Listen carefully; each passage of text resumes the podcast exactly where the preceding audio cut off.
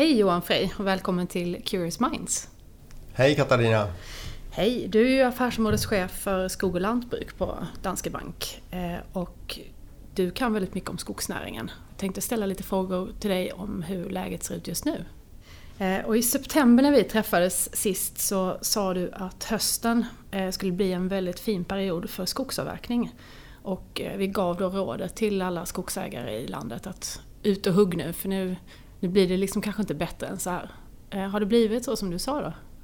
Ja, nej det har blivit så. Det, är en fantastisk höst eller en tidig vinter då. Och eh, det är väldigt bra priser i hela landet. Allra bäst i syd. Men eh, det är bra priser i hela landet och vi, rådet gäller fortfarande. Och jag tror att vi kommer att få se en mycket bra vinter för skogsägarna. Eh, med höga priser både på timmer och eh, i många fall på massaveden. Och hur länge kommer det hålla i sig? Ja, det där är ju den svåra frågan när det gäller skogsindustrin. För det är ju en cyklisk bransch. Och om man ser till industrin då så går ju massaindustrin otroligt bra. Eh, de slog ett prisrekord på 8000 kronor per ton. Det har aldrig betalats för.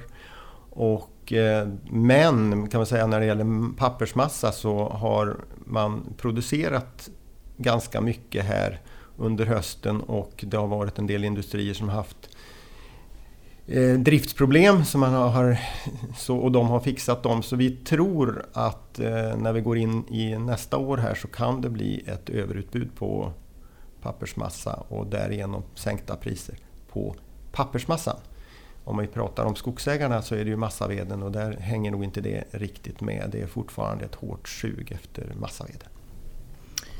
Och nu när vi säger då att vi befinner oss i den här högkonjunkturen. Eh, är det någonting man ska vara uppmärksam på? Några tecken som eh, skulle kunna tyda på att prisnivåerna är på väg ner eller så?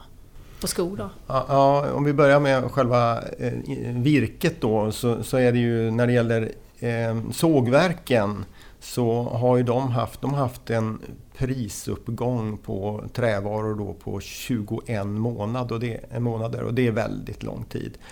Och eh, det är ju cykliska branscher det här, det brukar, eller det vänder alltid någon gång och ehm, det skulle kanske redan ha vänt om man ser det historiskt men eh, det ser ut att hålla i sig och vårt grundtips är väl att eh, trävarukonjunkturen håller i sig över vintern här. Det är så att den har varit lite försiktigare uppgången. Vi har en helt ny jättemarknad som bara slukar virke. Kina ökar importen, alltså formidabla 2% i månaden. Så mycket.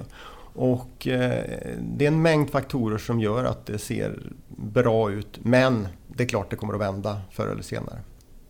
Så det är trävaror. Och, men vårt grundtips är väl att eh, vi hoppas i alla fall att de, den här konjunkturen eh, med prishöjningarna hankar sig över vintern. För då brukar det hålla i sig även på våren sen. Då ökar ju konsumtionen. Men sen vet jag också att du har gjort en ny analys eh, där du gick lite grann på en magkänsla för att du funderade just på hur bostadspriserna i Sverige, hur de påverkar skogspriserna. Och då vet jag att du såg någonting som förvånade lite grann. Ja, eh, vi har ju försökt att hitta eh, andra marknader som eh, korrelerar med skogsfastighetsmarknaden då. Och konstigt nog så kan man väl tänka sig då att virkesmarknaden, hur mycket man får betalt för virket, borde vara den, den marknad som korrelerar mest. Men det vi ser är faktiskt att det är bostadsmarknaden som har den högsta korrelationen till skogsfastighetsmarknaden. Sen, sen tror inte jag att det är bostadsmarknaden som direkt påverkar skogsfastighetsmarknaden utan vi tror att det är att bägge de här två marknaderna påverkas av det allmänna konjunkturläget väldigt mycket. Så vi ser ingen oro för skogsfastighetspriserna för tillfället. Men vi ser ju en sättning på bostadspriserna framför med start här i Stockholm då och skulle den utvecklas till att, nu är det väl ner ungefär 10% men skulle det här utvecklas och det blev kanske 20% ner då kommer ju det här att påverka den allmänna konjunkturen och då tror jag mig vara ganska säker på att det kommer att också påverka, eller då kommer även skogsfastighetspriserna att drabbas. Om man är orolig för ett eh, sånt här prisfall i bostadsmarknaden, ska man eh, undvika att köpa skog då tycker du? Nej, det tycker jag faktiskt inte. Det, alltså skogsfastighetsmarknaden, den är ju för det första väldigt lokal. Du kanske letar i ett område som är väldigt begränsat och där, eh, där är det ju så. Dyker den här fastigheten upp som du är intresserad av så är det ju då du kan köpa den. Eh, det, det enda man ska tänka på här när vi för fram det här med bostadsmarknaden det är väl att man, inte, man måste klara av en nedgång. Man får kanske inte vara för hårt belånad och man måste klara av en nedgång, prisnedgång.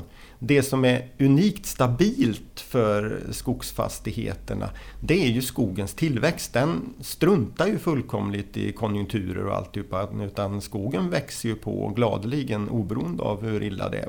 Och det är ju fantastiskt och det gör ju att vad ska säga, skogen är stabil utifrån det hänseendet. Men man måste klara av en prisnedgång. Ja, det ska bli spännande att se vad som händer framåt eh, nästa år och eh, hoppas på att få se dig snart här igen hos oss i Curious Minds. Hej då Johan! Tack, Tack. så mycket!